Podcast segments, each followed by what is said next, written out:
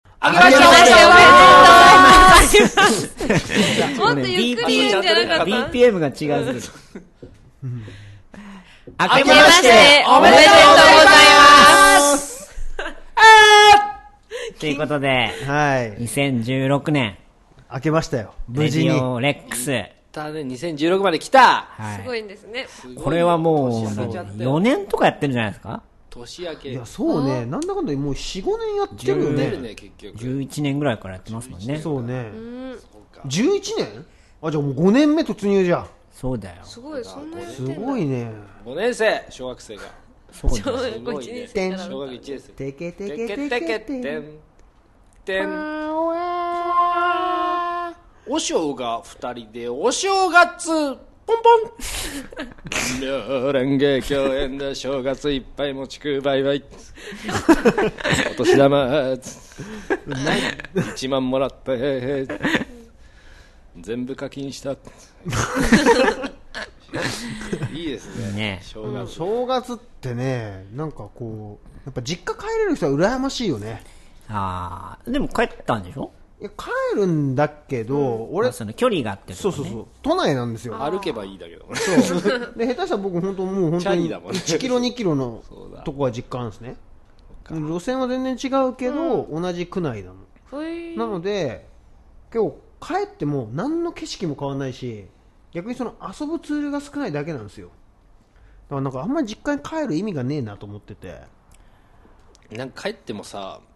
帰った瞬間に帰りたくなるよね でしょわかる俺もう3駅隣だからでしょ、うんそれはなんか全く理解できんな。もういつまでもいたいと思あそういう福もん岡なんだにそうかあそう山脇さんは私でも今両親は都内に住んでておばあちゃん家が実家っていう感じだから関西に帰る感じになるんですけど、ああなるほどね、うん、実家どこでしたっけ実家実家どっちの実家あおばあちゃん家かそうおばあちゃん家はあの兵庫県の宝塚の方であすそうか、うん帰った感は出ますねじゃうん、でもそこで育ってないんですけどあですけどねそういうことそうなんだそうそうそっかだから両親が実家に帰るのにつにいつていていいくっくて感じのが延々続いてるって感じですう。もうあれお年玉とかあげたりしてるいや俺親戚付き合いが全くないからね、うん。あげたことああ俺るは職場のなんかオーナーの娘にあげてる すごいね、俺も親戚はもう同い年だからその子供たちはまだ現れてきてないからあ、そうなんや。そう全然払わなくてあげてるあの夫の家族夫の兄弟ところ娘がいるから5人トータあれいルくいくらあげるんですかあれでもまだ小学校入ってないからお年玉の玉って小銭ってことだから500円にしてたんだけど一番上が今年はもう小学校入ってるから1000円1000円いやー1000円か1000円かまあでも1000円やったね確か俺小1はで1年生1000円2年生2000円とかかな6000までいくんだようね、んいやでも結構きついよね結構まあいや今大人になってみるとさ、結構お年玉ってさ大変だなって思うよねそう結構なね結構なねうんあれあげないとやっぱケチな元気懐いてなこおなじいさ感んじってことだよ好かれねたいんだそうよだなよねやっぱあれ、でも俺親戚からもらうってあんまなかったけどな本当うん家さ族親戚からもらってたかな俺25までおばあちゃんにもらってたよ 25? 25までぐらいだと 5? 25ぐらいまでおばあちゃんが俺を10代だと思ってたことによりあの正月に会うとなんかくれてたよそれはもうでも甘んじていやあのねこれやっぱミソなのは自分から行かないってことなのよ待ってるともう来たもんはしょうがないと来てああおめでとうございますとか言うと、そうで他にもちっちゃいだからそのいとこの俺より年下のがもらってるわけでこういうのをちょっと横目に見ながらその流れをに乗ると俺ももらえるっていうそのなんかね並ぶんでしょそう並ぶっていうか、まあ、な一緒の空間にいることによってこいつにもあげなきゃいけないっぽい空気が流れてきて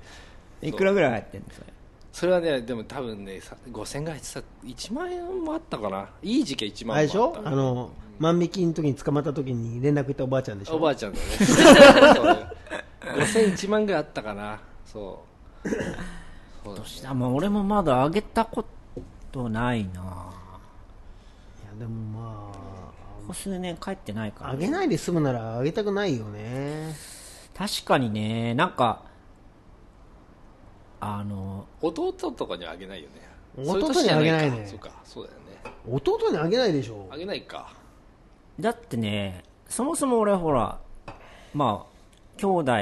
兄ちゃんの兄ちゃん2人おってそれのまあ息子だからおじさんになるのか俺が、まあ、おるけど年に本当に1回会うか会わんかやけんさ、毎回変えるたんびにその初めての人なんよあもうー覚えられてないから、この間もあの新家族両親と兄弟3人とその兄ちゃんの子供三2人か、と奥さんとでさ旅行行ったけどさその兄ちゃんトシヤって言っちゃうけど、その息子が俺純也君って言っちゃうけど、純也君はパパの友達なんって言ったけどさあんま知ら分かられてないもう本当にそのその時、もう何回かあったんやけど初めましてって感じで毎回うんそんなやつにねなんかお金あげたくないよねそうねでもお金やることによって関係ができるっていうのはあるかもしれないね、うんそうかももう実際今この中で多分ちゃんとお金払ってるの山脇さんだけだからね、そうでも実家帰ったら全部ご飯食べさせてもらってるからお父さんたちにまそのあ分プレーだよねあ一応やってますしっていう感じで同級嫁じゃありませんよっていうのをそこでアピールしてるあなるほどねあでも一応そういうのなるか田舎だし俺も俺自分がもらってたからやんないとダメなのかなっていう時は思うんだけど、んあそうか帰んなきゃいいんだっていう なんか最後の砦があって なんかでもあの そう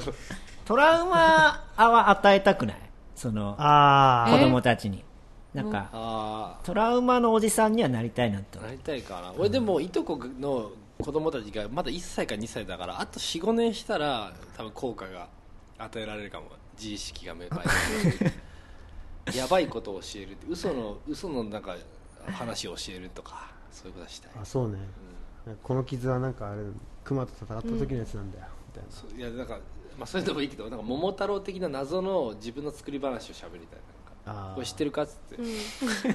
桃太郎的ななんかそう肘太郎みたいそう肘太郎そう肘から生まれた肘太郎ってあ知らないのそっちの地方流行ってないんだみたいなんで全部作り話を教えてあれは何だったんだっていう話とかねそういうことはしたいなんかまだそんなやつはいないまだそこまでのはいないなるほどね、も肘太郎って 何う なんかそういうことはしたいな肘から生まれた肘 太郎肘わかんないけど肘だけのや つねでもそれ肘だけのやつそうそう肘だけの肘ののみのやつ 肘どういう動きかわかんないけどでもでもなんかそういうことやりたいんだよなんかね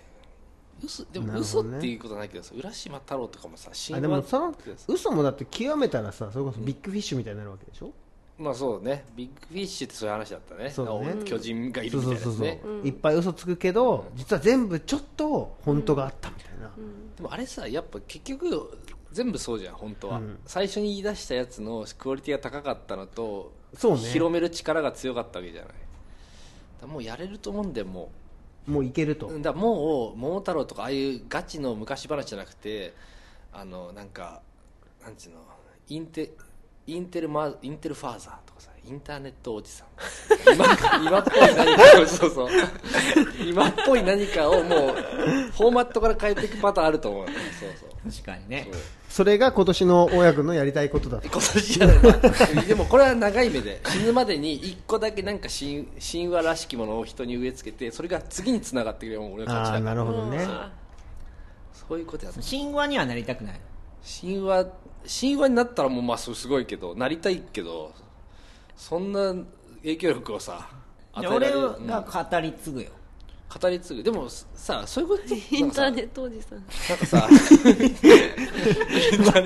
ンターネットおじさんは何をする人 なのわかんいやわかんないけどワンクリックボーイその謎の、ね、謎のやつになってそれがもう絵本とかなったらもう勝ちだよね完全にこういう話があったっぽいんだけどうちの地区だけかなみたいなんであの話は絶対あったっつって誰かが作家になって書き出したらもうそういう感じそういうのなるほどねもう今もう大久保君も絶句してるけどね もうなんか大家君を不思議な人って感じで違見うてるじゃないわ大久保君は分かってますねだって曲を作る人ってそういうことでしょ簡単に言ったら だってさあのこれがさ今100年後だったらまだあるよ作家は800年後だったらもしかしたらあのカゴメカゴメみたいなものになってからさじゃあん電話してがさーでもあーそうね例えばね作ったやつ誰かも分かんないからさけど曲のみが一人歩きしてくれたらそんな嬉しい話じゃないわけじゃんってことはそのメロディーとかそのタイム感がその人たちのなんか何デフォルトになってる可能性があるから影響を与えたっつ神話にはなりたいよねでも神話になるって神話になりてえ聖書とかさモーゼとかの 感じ感じじゃないあなんかでもその神話になりたいっていうのはいいね確かに昔話ってねもう落語とかはさどんどん生まれてってるわけ落語はなんかちょっとう嘘とは言い切れないっていうかさ下地がリアリティちょっとあるじゃんでももう浦島太郎めちゃくちゃじゃないあんなえわでけないもあじゃんれも実話なんじゃないのでもトリップ感があるでしょあれとかだってもう海入っちゃっ てるからねドラッキーだよねドちょっラとッキねーじゃんそそれがいいってのもあるけど桃太郎もさ、そうねそんなわけないじゃん4人とかで倒せるわけないじゃんそんなに感じさ鬼って何だっからて いろんなものそぎ落とした結 果あそこまでシンプルになったけどもっと多分こまごましてたと思うんだよ金太郎に関してはただあいつが強いだけの話だからそう別に学ぶものないからパワー最強って話でしょだからであれは脚色してるだけで、まバキと同じだけど同じ世界観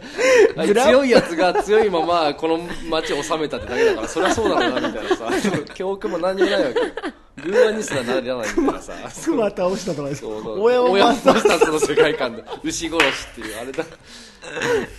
だからなんどんな角度からでもいけんだ、まあ、ビジュアルのそとうかかあるけそどある意味おオリンピック選手とかが、んその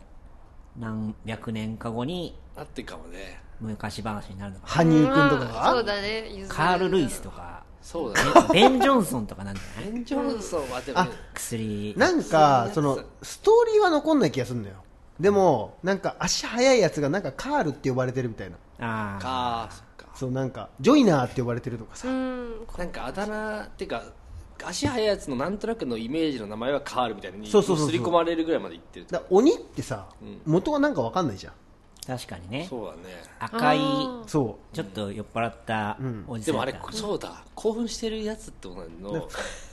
メタファーなんじゃない赤いってそいううだなかんらかなんかすっげえ酒飲んで暴れる鬼さんみたいな人がいたんいたのかもしれないねでそいつのその鬼さんの鬼だけがと取られて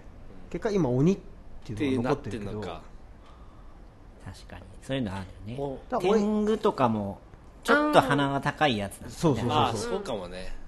だ俺ね、なんか小学校の時に女の子で朝黒くて足が速い子はみんなジョイナーだから忘れてたのよ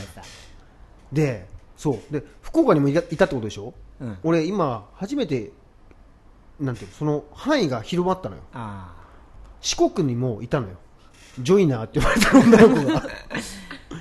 だからもうジョイナーがなんかわかんないけどジョイナーは残ってるかもしれないじゃな追いってる可能性あるね今の人がたまたま知らないけどこのまま推し進めていけばその方面をそうだねそうだねジョイナーが何なのかっつう足速い女の人ってジョイナー以降出てきてないよねあこともない違うよ 違う社会的インパクト与えるぐらいのポップなやつは出てきてないでしょ多分いるのあれかな高橋尚子のことじゃない Q ちゃんキューでちゃもんあれ、まあ、マラソンだからね、だでもそれもそうさマラソン速いやつ Q ちゃんって呼ばれてるみたいなさあああそうなるかいやだからボルトでしょ多分今とかだあったらーボルトとかなりやすいもんね、ボルトが多分うちのなんとか難症のボルトみたいな言われ方してそうそうそうそうかなでもボルトだいけるかな頑張ってほしいね 頑張ってほしいけどイチローとかねイチローあとかなりそうやんうんやわらちゃんそうとかねねあやわらやわらちゃんはもうそ柔道も強いそもやわらちゃんでもキ意ャラ味そう意味がブスになりそうだけやわらちゃんは漫画が先かやわらちゃんはどやわらちゃんはなんかその柔道が強い人ではないよね多分、うんかそのの名称の残り方として政治家になるっていうプレー出したからねそあれでちょっとそねっかみんなが喋んなくなったからねやわらちゃんのこといじんなくなっちゃったから、うんあそこで多分もうちょっと吉田沙保里とかが頑張ればいけるあアルソック姉さんアルソックやめたんだかちなちなみにさなんか今ちょこっと出たからあれなんだけどさ、あんまりレックスで話されることはないんだけど、ん政治とかについてみんななんかこう思うところないの政治政治政治について思うことは、誰かが思ってることをそうなんだろうなって思うぐらいだね俺俺個人から思うことはね意外とねもうもう語られてる感じがするから誰あのし誰かと同じ意見ですっていう感じ意見っていうか分かんないことを調べたりちょっとこういうことなのかなって見て前よりかはさ一元的な見方しなくなったけど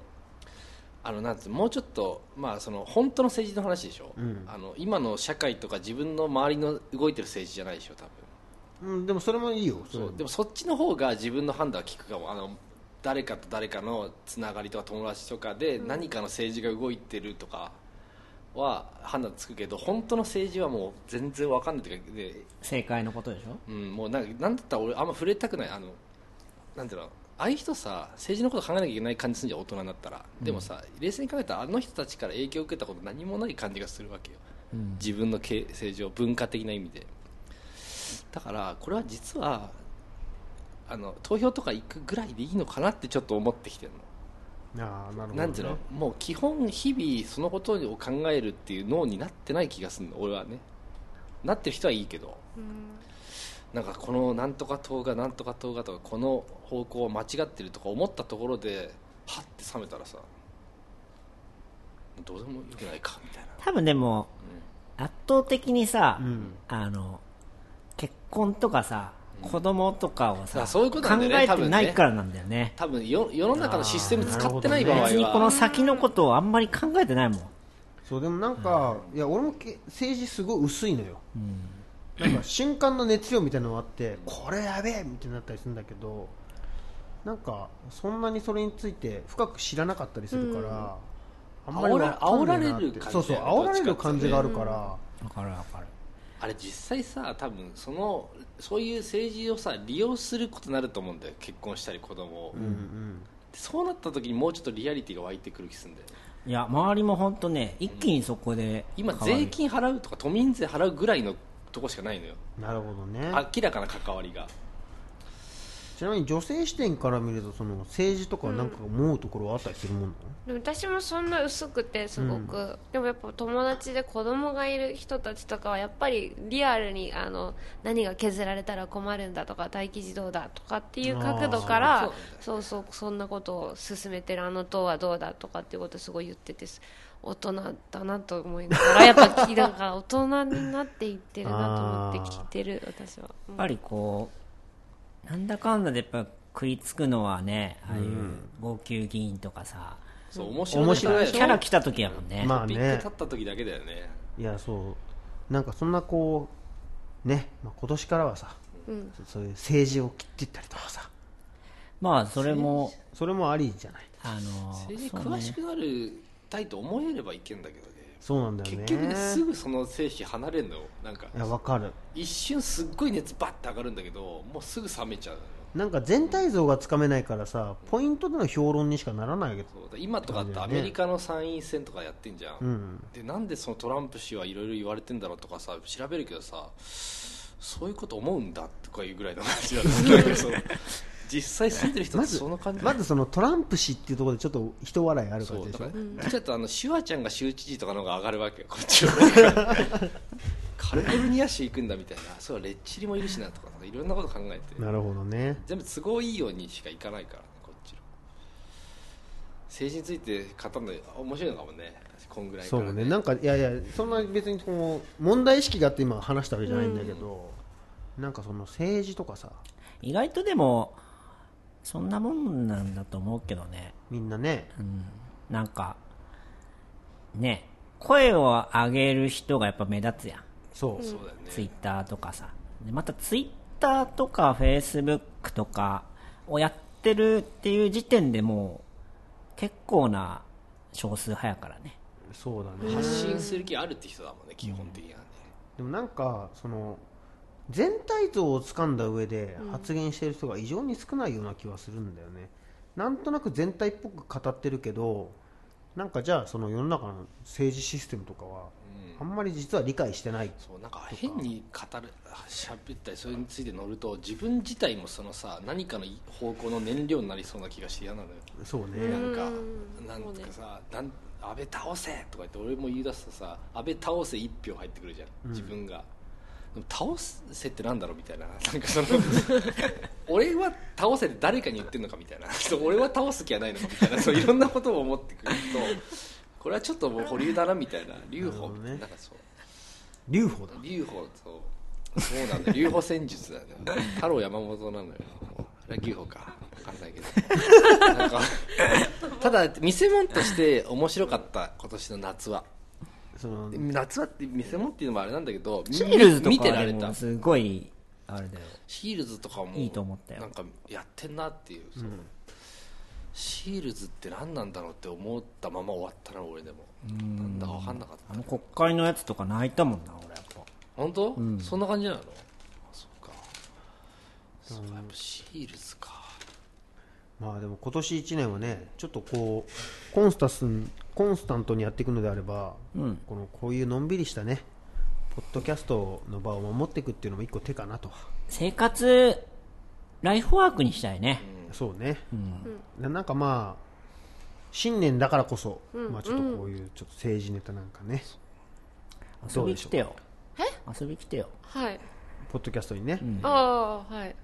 もうなんかわけわかんない人がいっぱい遊びに来てくれたらいいですよね、いやいいグループ出してるんですよね最近ね、そうなんですよ、僕そういえば全然年末の話してもいいですかねまあいいよあのお坊さんとちょっとゲイバーに行ってきましてあこれ結構なトピックだと思うんですけさど、あねああハのイブリッド感すごい、お坊さんと飲み行くっていうイベントとそうなんですよゲーバーに行くっていうお坊さんにゲイが乗っかってきてるその2個あるから生と死を司る 方々と、生を司る方々のところに新名の方いでやでもねゲイバーもねすごい面白かったんですよ僕はあの基本的にはそのゲイの毛はあんまりないんですけど、あんまりっていうか全然ないんですけど初なんですけど、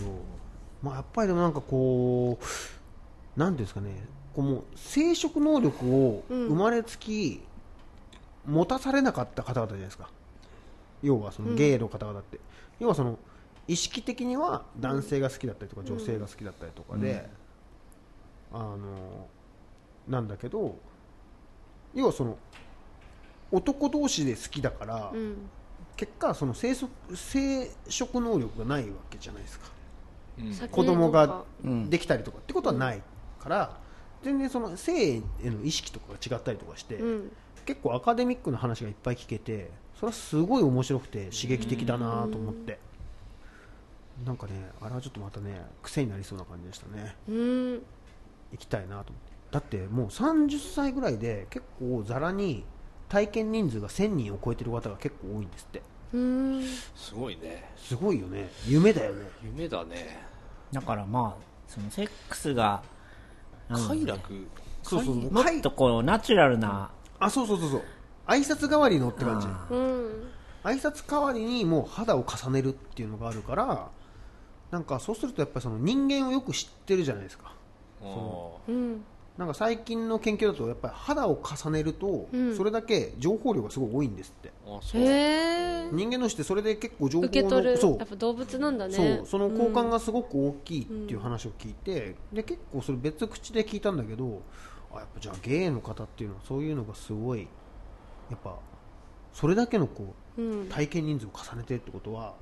同性だとはいえそれだけの情報を交換して暮らしてるので、うんなんかねすごい話しててもすごい聡明で、うん何々ってどうなんですかねみたいな話を聞いた時に結構その人なりの答え合ってる間違ってる別として、うん考察とか答えが必ず出てくる感じがまあすごい面白かったうんなのでまあ今年は僕はもうゲーバーに通う1年にしたいな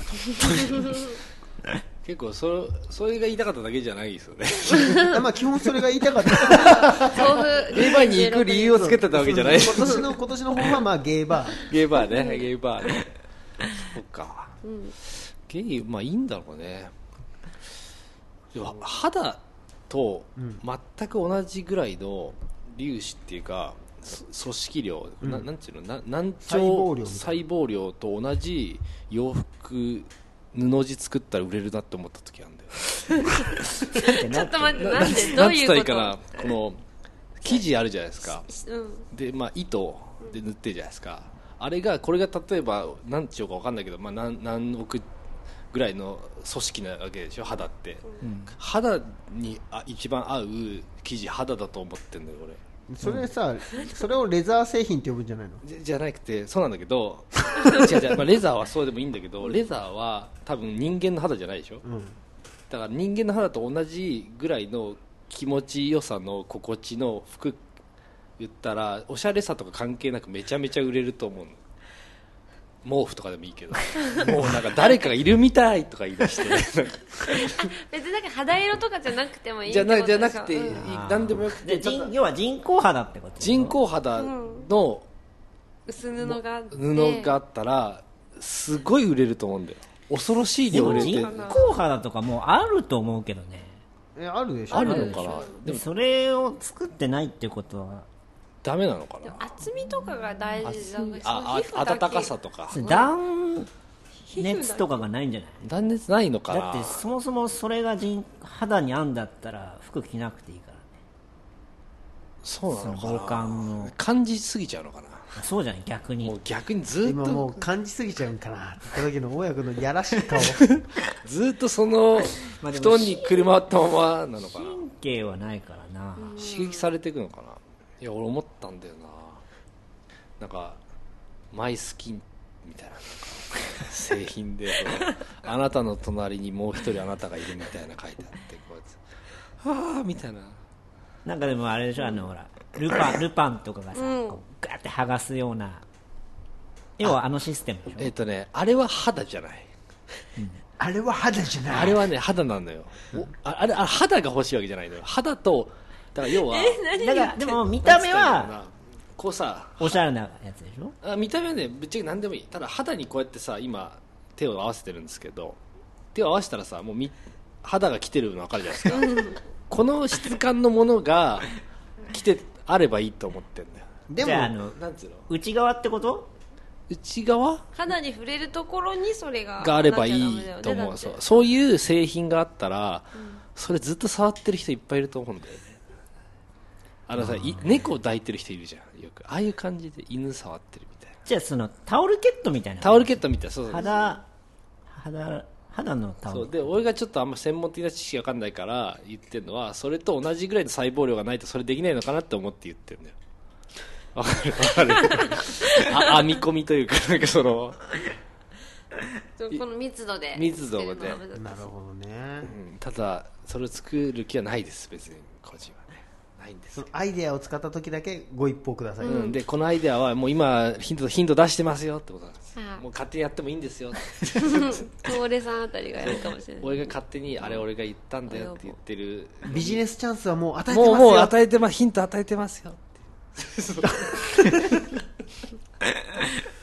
から莫大な資金がかかりそうだけど分かんないけど何の話だったっけ何の話かは別に答えはないんですよそうなんかねじゃあそろそろそろタイトルコールあそうですねいきますかはい、じゃあ2016年もよろしくということでアナ大久保とセンス今サチェリーのレレデディィオオレレッッククスス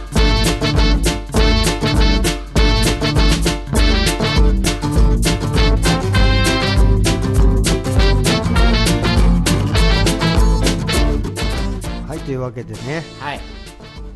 新年一発目ですよ一発目から感動はおらずそうあもう挨拶しとこう、えーアナ大久保ですセンス今サチェリーです大家ですあモニカです山脇ですということで、まあこの4人でね、うん新年一発目お送りしてるんですけどもはい、なんだろうね、いやなんかニューイねヤー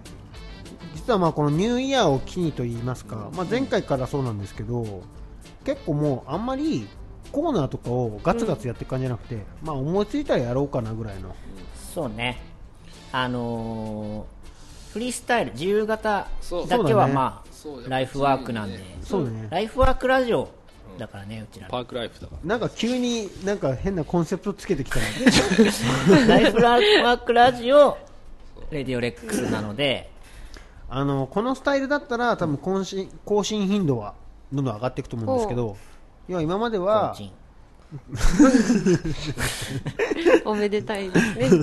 年のそうなんかこうね、コーナーとかを決めようとか思うと、なんかこうちゃんとやらなきゃ感が出て更新頻度が遅くなっていくとら、うんそうそうだねよくないねこれをやめた形ででこれで更新がしていけるんならこっちの方がいいんじゃねえかと、いうだこかとらでみんなこが何かやってたり、うんご飯食べてる時のお供ってことだよねある種ねご飯食べてる時のに音ラジオ聞くってないあるよご飯の時はないねないのかじゃあラン歩いてる時にしようかこれはジョギングとかかジなョギングがどの時聞いてるといいかなでも大体通勤とかうんなんか俺が聞くのは、あの聞いてますって言われるのは通勤と通勤かが、なんかお店をやっててお店とかオフィスで働いてる人が、なんかこっそり聞いて仕事中にそっかそういうもんなんだ、まあねまあそんなあなたのお耳汚しにね、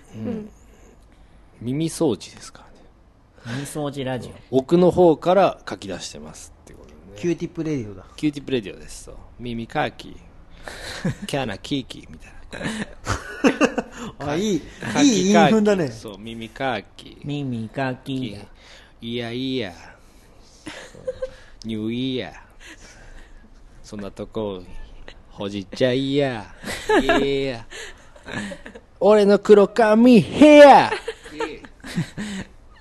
キャラキーキーちょっとキエイヤーキエボンボンポンポンポン もう こねんなことはいつまでも続きますよねアイムライト自由形はまた後でやるんでなんかこういうことをやり続けた結果解散したのがウィークエンドですからそうです。あのね、やっぱふざけすぎました。ふざけすぎましたねあの悪い意味 でふざけすぎました。あの、誰にも還元しないふざけが続きました。そうそうだね。でもニューイヤーだから。そうだうね、ん、内田裕也に負けないように、そう。g レックス浅草ロックカーニバル、水道橋ロックカーニバル、そう今年からね水道橋からお送りしてますんでそうウォーターフロントから。そうね。そうウォーター、ウォーター、ウォーターブロブリッジか。ウォーターアンダーザブリッジでねアンダーザブリッジさん。キャラメラウェッチャンの。 そういう感じですよね。全くこの会話に星を見ながじゃらあ。この会話にどれほどの需要があるのかは全く分かんないですけど、あのこれ辛い方がいたら本当あのさらって言ってくださいね、うんこのツイこれッターなりね辛いとかあるのかなそうそう こんなやつの話聞聞かかななききゃゃいいいんいんだだかからねそうでもなんかいやなんかねら。こういうところにでも真実ありますよ。そうね、うん、本当です。真実はいつも一つ Once again. 今のがよくわかんなかったんだけどそうかピノコとりあえずなんピノコじゃか発祥だけやろそう話よそう一つだけそうまあ、ということでね、あのーまあ、一発目ですけども、この後、なんか去年のさ、15年のんベスト作品だったり、そういうのを話していきましょもう。う行きましょうせっかくなんで。去年僕は結構ね、大久保君の作品の中でベスト5に入るんじゃないかなって思う曲が1曲あって、はいそれがねこう山脇さんの子供ミュージカル用の曲だったんですよあら名曲結構俺僕の中でも、あの、なんかね、大きい仕事だったんです。そうですね、なんか、なんか制作秘話とか話しちゃうとあれですけどなんか僕横で作ってるとこ見てたんですけど、なんかずっとモーニング娘。を聞きながらこれじゃねえ かなこれじゃねえかなって言いながら作ってらっしゃいましたよモーニング娘ねとか、うんなんか、あの、つん、まあ、つんく作品だったり、あの、90年代、ディスチャとか聞いてたね、なんかそう、前半ぐらいの、うん、なんか、R&B、アランダビー R&B アイドルみたいなね、安室ちゃんとか、なんかその辺をね、意識して作ったんですよね。いやこれね結構ねその、歌詞はさその演劇の世界観に合わせてるのであれなんだけど、曲自体はここ数年の中で多分俺大久保君の曲の中で本当にすごい好きなんですよ いや結構本当本当になんか、まあああ仕事したなーって感じあのミュージカル自体はね、あの子供たちの忍者学校みたいなそうそうそうあのの話だったので、まあ、あの僕が歌ってるデモバージョンですけど、せっかくなんで、聞いてください。えー、結構これ衝撃のタイトル タイトルだけ聞く大久保純也で、くのいちじゃなくても。くのいちなの言えそうじゃないのくのいちじゃないの私ただの女濡れる窓ガラスくのいち指で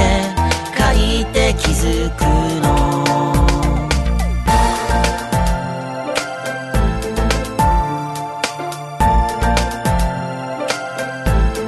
ふっと気がつくと手裏剣投げてる自分に気づくバカね私ただのくの一わなびおーふっと気がつくと逆さまに木にぶら下がっているでももう違うの忍ばずに私は私くのいちなの言えそうじゃないのくのいちじゃないの私ただの女濡れる窓ガラスくのいち指で書いて気づくのくのいち目指してた日々無駄にしないよと誓って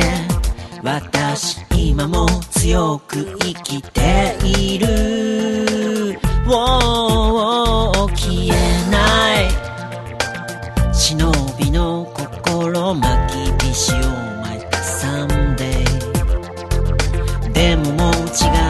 の足音は消さないで歩くくのいちなの言えそうじゃないのくのいちじゃないの私ただの女濡れる窓ガラスくのいち指で書いて気づくのもう屋根裏も軒下も通らずにさあドアを開けどこへでも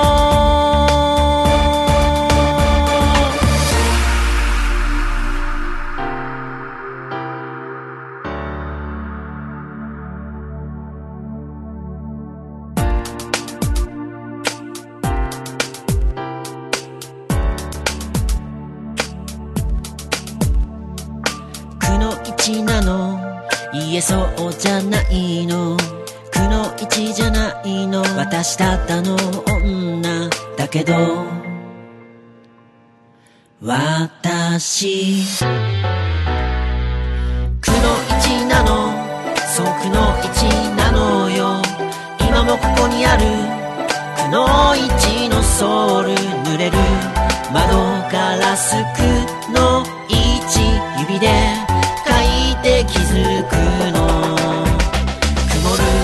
バスルームくのいち赤いルージュで残して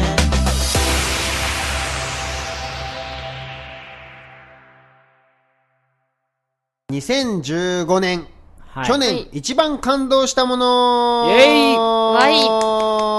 はい感動したあはい。はいはいということで、はいまあ、まあざっ神田くんはね、さっくと語っていったので、そうだねうちらも何かしら15年、まあ、あらゆるコンテンツの中で、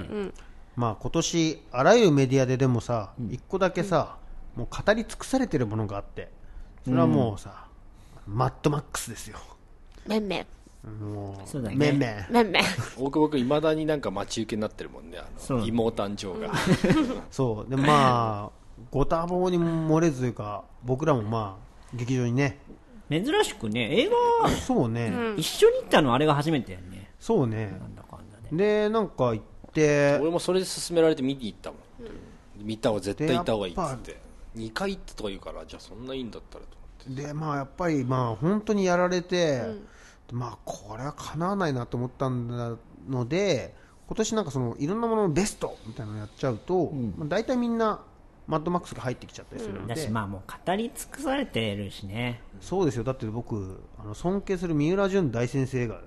今年マッドマックス見て仕事やる気がなくなったって言ってましたからねあーでも全く同じこと言ってたもんねそうそう見終そわうっそたう後うん、だからなんかもうあもうこれはダメだなと思ったんで、ちょっとそれはまあ外して外してマッもドうマちょっとッねクスはもう殿堂入りっていう殿こ堂と入りで、以外のそうですねコンテンツで音楽本うん出来事、何でもいいの何でもいいのでね、 15年を総括するはいそうだ出ね来事はいものじゃあまずははいこう一点お山脇さんからいきましょうかはい2015年一番ベイビーあありがとうございます。2015年一番私が感動したのは、えっ、と、配給でした。ははい。いと配給ね、はい配給でも一言に配給って言っても漫画もあるしアニメもあるし今年は舞台もあったんですよ。あーということで配給イヤーと言っても過言ではない年だったっていうことで、まあ、配給まるっとすごく良かったんですよ。えっと元を話すと、はい知らない人に話すと僕はまあなんとなくは知ってるんだけど、配給自体は少年ジャンプでやってる、はい漫画からスタートしてそうでてすバレーボールの漫画なんだバよねレーボールのバレーボール部高校のバレーボール部を描いた漫画ですあ。のバレーボーイズとは全然違うやつなんでバレーボールやんないじゃ ん違います。 全然バレーボールやんないんだからそうそう。あれエロいことばっかやってんだから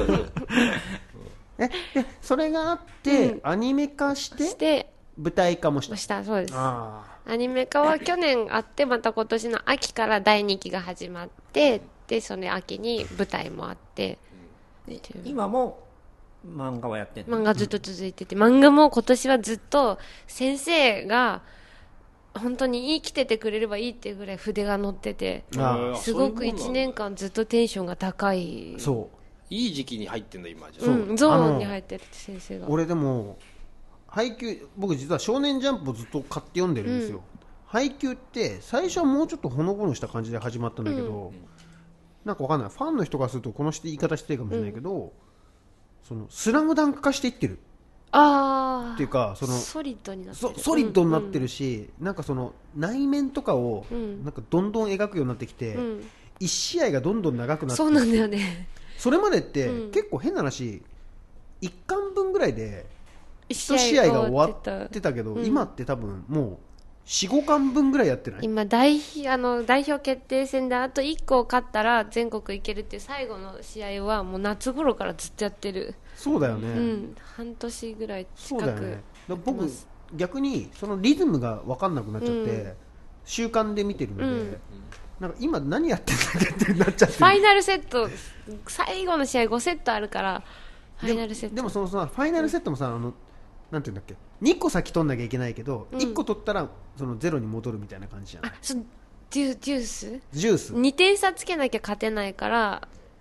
あの同点になったらまたもう2点取らないと勝てないサヨナラ勝ちみたいな、ん同点になって1点取って勝てないから、1点取るでも向こうも1点取ったらまたもう2点取らなきゃいけなあーくそてうもう永遠にそ終れわがらずなっいと続いてそるうそれがずっと続いてるじゃない、うん、もう吐き気がするそう苦しく て心配で毎回吐きそうになってうーっつってめくりたくないけどめくってまだ決まらないっつってえ本当に高校生高校生おー高校1年生最初はもっとなんかすごいシンプルな感じで、背がちっちゃいんだけど高く飛ぶみたいな主人公主がい人公がていて天才セッターがいてその2人なら最強だみたいなピンポイントの最高のトスを上げてその子が高く飛んで打つので勝っていくみたいなシンプルな話もありま山脇さんが今一番ハマってるポイントはどこなのす一番ハマってるポイントは成長成長キーワードは成で長もですそれ試合の中で成長してるってことですか全、うん、試合のそれで中もでそもの そのなんか競ってる間にもう成長が本当 す本当はなんか1分もない間に成長してるってことなんうんです作品の中でか中ででもその攻防の間に成長してるわけじゃなくてなでも一巻からあ一貫からってことかそのさそうかなんとか大会みたいなのをやってんの今はそうですけ県予選そのなんか同点の時に、もう2点取んなきゃ間に急激にパワーアップするやつとかいないよねいないだからそそこれはながいそ面んな白リアいリティないことはしないと、うん、だから本当にちゃんと成長するんですちゃよんと成長する入学してきて最初の練習試合があって課題が見つかって次インターハイに行って課題が見つかって合宿に行って課題に取り組めたりやりくのなかった子がちょっとやる気がちょっとだけ出たかなと思ったりで合宿しまくって練習してしてで予選があってっていうの中でもうすっごい時間をかけてちょっとずつちょっとずつみんなが成長しそてれるでみんなちゃんと上に上がるパターンなんですかちょっと暗部を描く下げのなんかあのスラムダンクでいう三井のとこみたいなのはないんですか、ああでもあるよねあるんだそこあはの影山君がうん兄貴に対する、あ月島君がな月島それは君かうん、月島君っていう子がずっとお兄ちゃんの影響であのちょっとバレーボールに本気になれなくて部活に。たかが部活だろってなんでみんなそんなにやるのか分かんないって10巻までずっとやる気をそんなに見せなかったんだけど10巻でやる気をが少しだけ出す違う少しだけ芽生えるんですちょっと出さないまだそんなすぐ出さないのそこはそうそんリなアすルぐな出さなタいイのムラグがちゃんとそんなすぐ出そんなすぐ出したら、それはうぞうむ確ぞかにねよその漫画都と合い一いも緒。んねそそっかう。しかもなんか、3人ぐらいの人からちょっとずつ言われて、ちょっとずつ、なんか1人の人、主役とかに頑張ろうぜとか言われて、やる気出したらつまんない漫画じゃないですか。わ、かるわかりましたうわんかりまし、それちょっと3人ぐらいの人からちょっとずつ言われてちょっとだけ動くのが10巻で、それが実を結ぶのが19巻なんたです19あよそうなんだその試合中にうんこうだんだん実を結んでいく感じなんでしょそうそうそうずてかもうずっと最初からそのつもりでブロックを飛び続けておーそれえ恋愛とかも入ってくるの恋愛は入りません、入んないの、うん、全くないに等しいよねないに等しい実際でも恋愛するような年齢じゃないってことですよいやねだって高校生でしあょ高校生か高校生なんてもう本当にもう性の塊よまあでもそうかそうか「スラムダンクも別に恋愛は入ってなかったいやでもほらであものほらみモチベあーションとしてあったじゃんのマネージャーのあの、それもないのないない女の子出てこないの出てくるマネージャーいるでしかもちょっとその主人公にほの字っぽい子は出てくるんだけど、うんまあでもこのそんな描かれてない描かれそてなのい部分そはれさそのさえ男男子人気も高いのどうだろうなんか今の試合が始まってから、男子からも評価されてんじゃないかなとは思ううんなんかそれこそ本当そのスラムダンクとかが要は今言ったらその本当にあのスラムダンクの三王戦ああ最後とのとかか、ねあの、うんあのほら無言になってすごかったみたいなのあったじゃん。なんかああいうテンションなのよ、漫画全体が。もうヘトヘトでファイナルセットやってるから今なんかみんなそう。もう足が動かないんだよじゃあもう本当になんだろうバレーボールの試合を楽しんでみとう感じなの、うんなんかあでもそれもある男子美しい男子たちとかそういうのじゃないのあんま美しくないあそうなんだ第こう前前回ぐらいの週の時のタイトルが「頑張れ俺の太もも」配給第何回「頑張れ俺の太も 中も」山筋肉みたいなそうあのもう飛べなくなってるからもううわーって言ってどしあのまあ自分の太ももを殴りながら飛ぶっていう僕は結構その山木さんと違って、冷静にジャンプでしか読んでないうんんですよ。うんそうするとでもなんかすげえなとは思うけど、うんやっぱ試合が長すぎて、そのストーリー展開とかのところを考えた時はいやもっと先行ってほしいんだけどっていう気持ちになっちゃうまあ。そうねそのなんかそのキャラの内面までさ言ってなくてそのある種あらすじをずっと追ってるような感じはあるじゃないその習慣で読んでるって、ところがあの子一度コミックスで読んでみるともう習慣にも多分ついていけるあー自力ができるからなるほどね一度コミックスで読むのをおすすめしますもしその習慣でついていけないっていうのであれば、なるほまどね、もしくはアニメでちょっと一回地ならしをしとくっていうかアニメもおすすめ、アニメもおすすめアニメも本当にみんなスタッフの人が本当に頑張ってるのがすごい見てわかりますちなみに舞台は、舞台はまあ、ちょっと本業と関わってそくうると思うだんでかすけらどそれはすごい思ってあの舞台はそのある一部だけをやったってこと、うん1巻からね4巻手前ぐらいまでをやったんだけど、やっぱり漫画とかアニメは自分の門外観専門外だからこう娯楽として受け入れられるあー素直にでもあん、うん、舞台は知ってる人がスタッフで入ってたりとかもするしなんかやっぱり同業って夢で見ちゃうから最初はどうかなと思ってなんか1幕目の時はちょっとまだムムムムみたいな気持ちだったけど2幕終わったらなんか感動してた もうなんかみんなが生きてるだけでいいなと思ってなるほどね、ピュアな、うんピュアだね。そうねピュアなハートが、配給配給配給配給はそのえ流れ的にはまだまだ続くもんなのまだうんわかんない、まあ、てこいれうかそうか今県大会県大会がい終わやってでも俺テンション的には本当あのまま終わってもおかしくないとは思うそうなんですよねでまだ書きあ負けたら終わりってことで負けても勝ってもなんだけどあの先にあれを超える試合を書くってなると結構しかんどないと思りう大変だよねでもまだ書かれてない人たちもいるからいやあなた方その漫画本当知らないじゃない特に大久保君とか、だけどその「ワンピースとかもやっぱりその頂上決戦みたいなのがいっぱいあったじゃないですか、まあ、今、ぶっちゃけ中だるみしてるよね。そう、んでそれをや,、やりきっちゃうと、うん確かにね。そっから先はなんかあんまりそのそれと比べられちゃうから、ね伏線張ってんだろうけどね。そうそうそうそう、だからアナで言うとなんだろうねあ、なんで言うと。まだうちら頂上決戦ないよピ頂ーク上は頂上決戦。えそうねなんかだアナは頂上決戦まあないかもしれないけど俺らもないか俺らはもうないんじだゃからない自由形の、あのもうだ2回目にしてプロポリスプクルーー、出ちゃった出らてきちゃったところがピそういうことーねクだったってことでしょそうそこから先はもうずっと中だらみが続いてるよっていうであとはプロポリスクルー一人一人フューチャリングするしかないみなたいいよな、 なぎみたいな自由が来るやつです。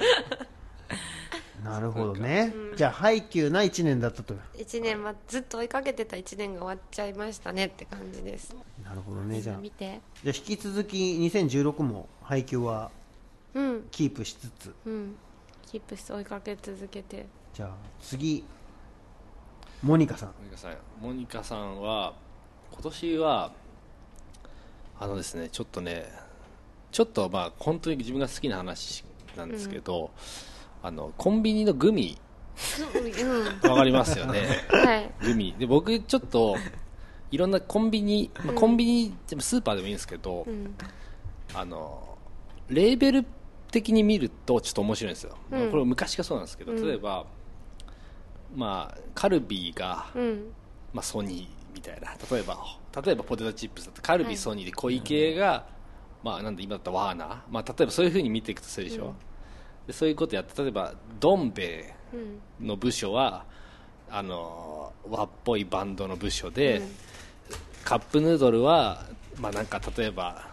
テクノとか、例えばその中で、まあ、そういうふうに見ていくとグミグミシーンが今ちょっと揺れてて、果汁グミあるじゃないですか、あれって俺の中でこうなんかあんま魅力的なシーンじゃないんですよわかるハードハード寄りでしょそうで,、そうでハードウェイっていうか果汁グミあるじゃないですかもうリンゴ書いちゃってるようなやつ、うんうんなんかあのロロハスなんていうのああいうシカゴ音響派っていうかなんかさし自然なしなスリルジョッキーって感じのでああいうのはあれでいいんですけど、まあ、あれはロッテかなで夕飯味覚糖ってあるでしょ、あれジャケがさなんかやばい生物が書いてあるの分かりますのど飴とかであるそうなんか変なプッチョとかもなんか変な寄生虫みたいなやつ拡大したの書いてあるじゃないですかで去年 Shigekix の硬い三角のやつがすごい復刻されたんですよ、うんでも今年になってとうとうあの純粋の純にあのロっていうあのなんだロアク的なロって書いて純露っていう謎の飴みたいなの出だした夕飯味覚糖から、それがダイエット的なせいことができるちょっと待って何話してん のいや、違う、違う、違う違う、まあ、まあ、聞いてもらって、あのね、夕飯味覚糖って俺の中では、大阪の会社なんだけど、グミ界で、音楽で、だってワープみたいなもんなあの。ーもう常に未開の地に突入してるあー。だから味とかやばいの、味だけ食うと。確かにあのあれよねシゲキックスシゲキックスって FX2 みたいな感じみたいな感じでしょ。な食ったことないし感じあの人工物感がやばいじゃんわかるわかるだから果汁組方面はもうちょっとロハスというか自然なあの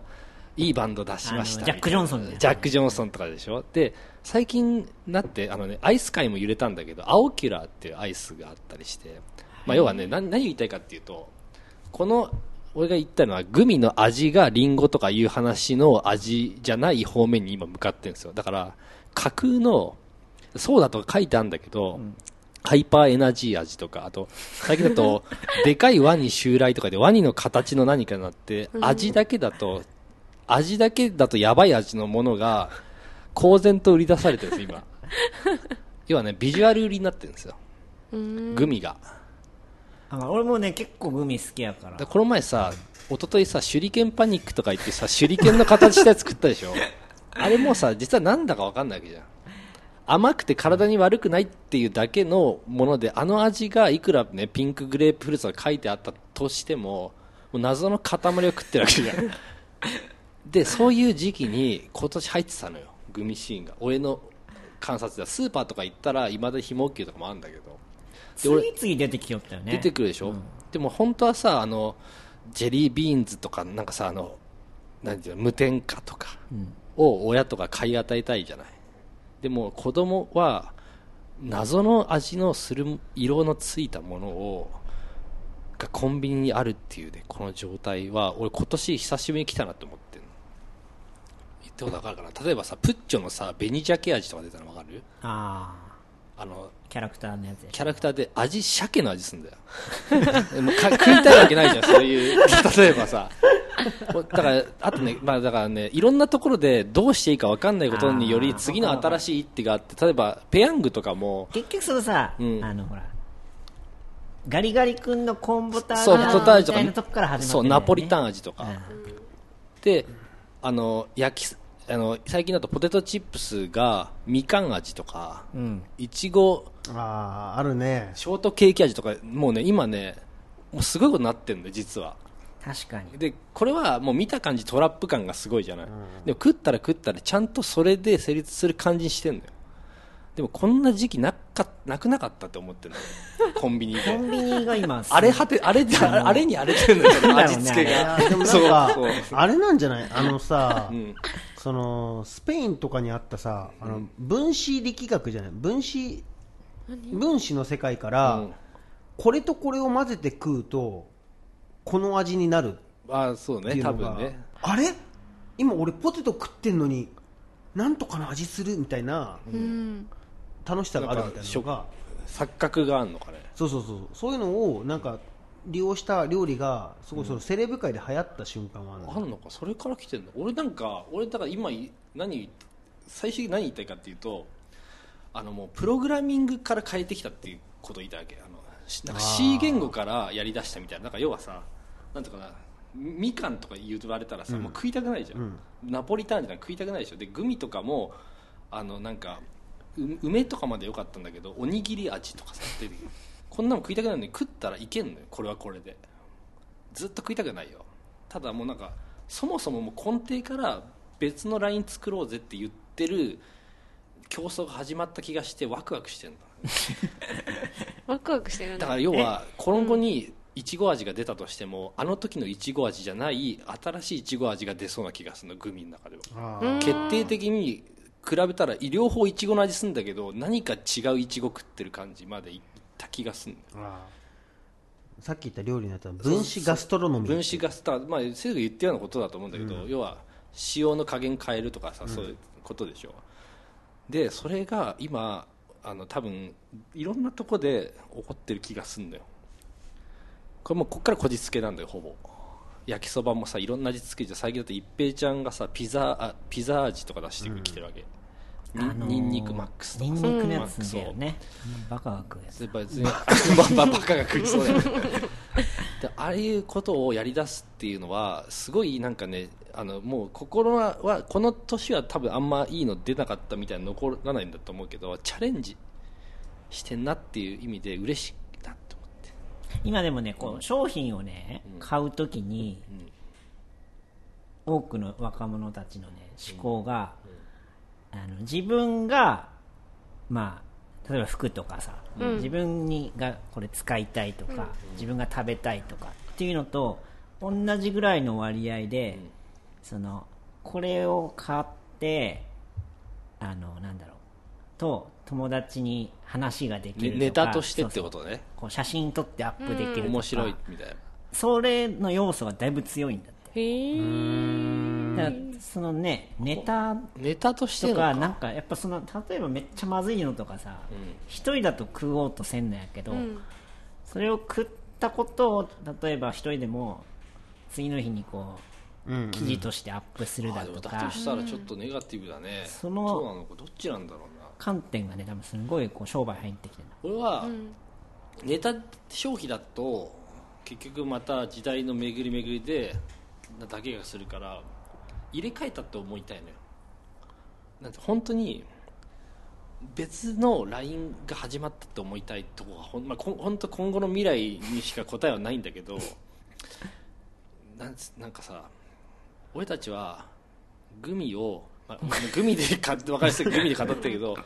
グミをそもそももう味付け変えようと思ってるって思ってんだけどね違うのかネタなのかなでも、グミをそまあ、の紅鮭はネタだよねさすがにねそれはだからプッチョでしょそうだよ、うん、ダメかな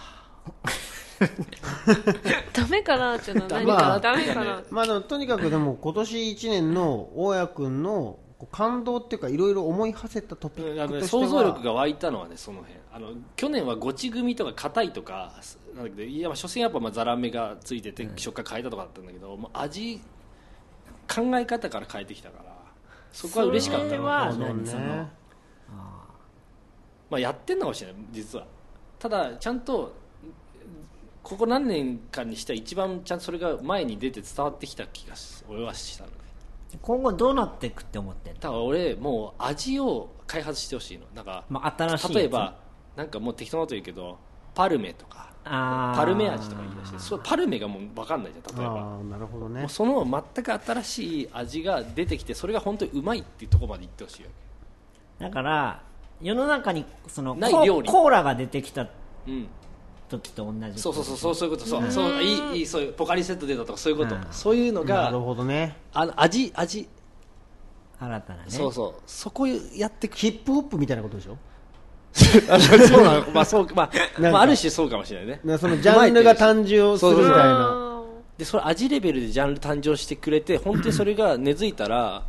本当はそれがみんなやりたいはずだと思ってるの実は、まあどそうだよねどのジャンルでも、うんで食はまあ結構できない可能性高いじゃん、んまあ、買わな買うし消費物だしまあ歴史も長いししねうんだって人類が生きてる間ずっと食ってんだからさねそう、だからそれをなんかやるんだってなんかそこにクリエイティビティ精神があるやつがいるんだとしたらそれはちょっとなんか嬉し嬉しいっていうかなんかまずくてもちょっと買っていこうかなみたいな確かにねなるほどねなんかうんそういうことは思う初めて何も知らない状態で、そのねコーラとか飲んだらわかんないよねあれ、まずいのかうまいのか分からんけども、まあでもうまいって判断したやしつそがうだよねあれいたんだろうねなんか癖になるとかから始まって気づいたらうまいっていう市民権を得てたみたいなことでしょそうそれでも確かになんか来て果ほしいね汁はさもう自然のものの味だからさなるほどねそうでサイダーも、まあ、まだサイダーもいいけどあれ名前変えただけで砂糖水だからだからコーラとかそう本当にそういうとこまで行くとなんか嬉しいそうねしいよねなんか、うんでコーラがあるともうそこをあとはもうねアリューでさ真似たようなのばっかになるじゃん、だからその最初のやつがねもう食ないさそうだけどねぶっちゃけ文 文化とかがさありそう だからでもなんかその辺そうっだてねうまくいけばその体系化できる気がするんだよねなんかそのコーラが出てきてそういうなんか新しい味が発見されましたとか新しいものができましたっていうところから俺文化が始まってうんしばらく新しい音楽とかもできてうんあでもそうだよねあのテクノの誕生とかとかそういうことだじゃよねんうそうでもなんかそれってなんかその割とこう体系化していけるような気がしてるんだよねなんか食が実はずずっと早いような気がしててっていうのあーはやっぱ歴史が一番古いじゃないまあそうだねなかならないしね絶そ対うねそうそうそうでなんかそこでなんかこう何かが根付いた瞬間から、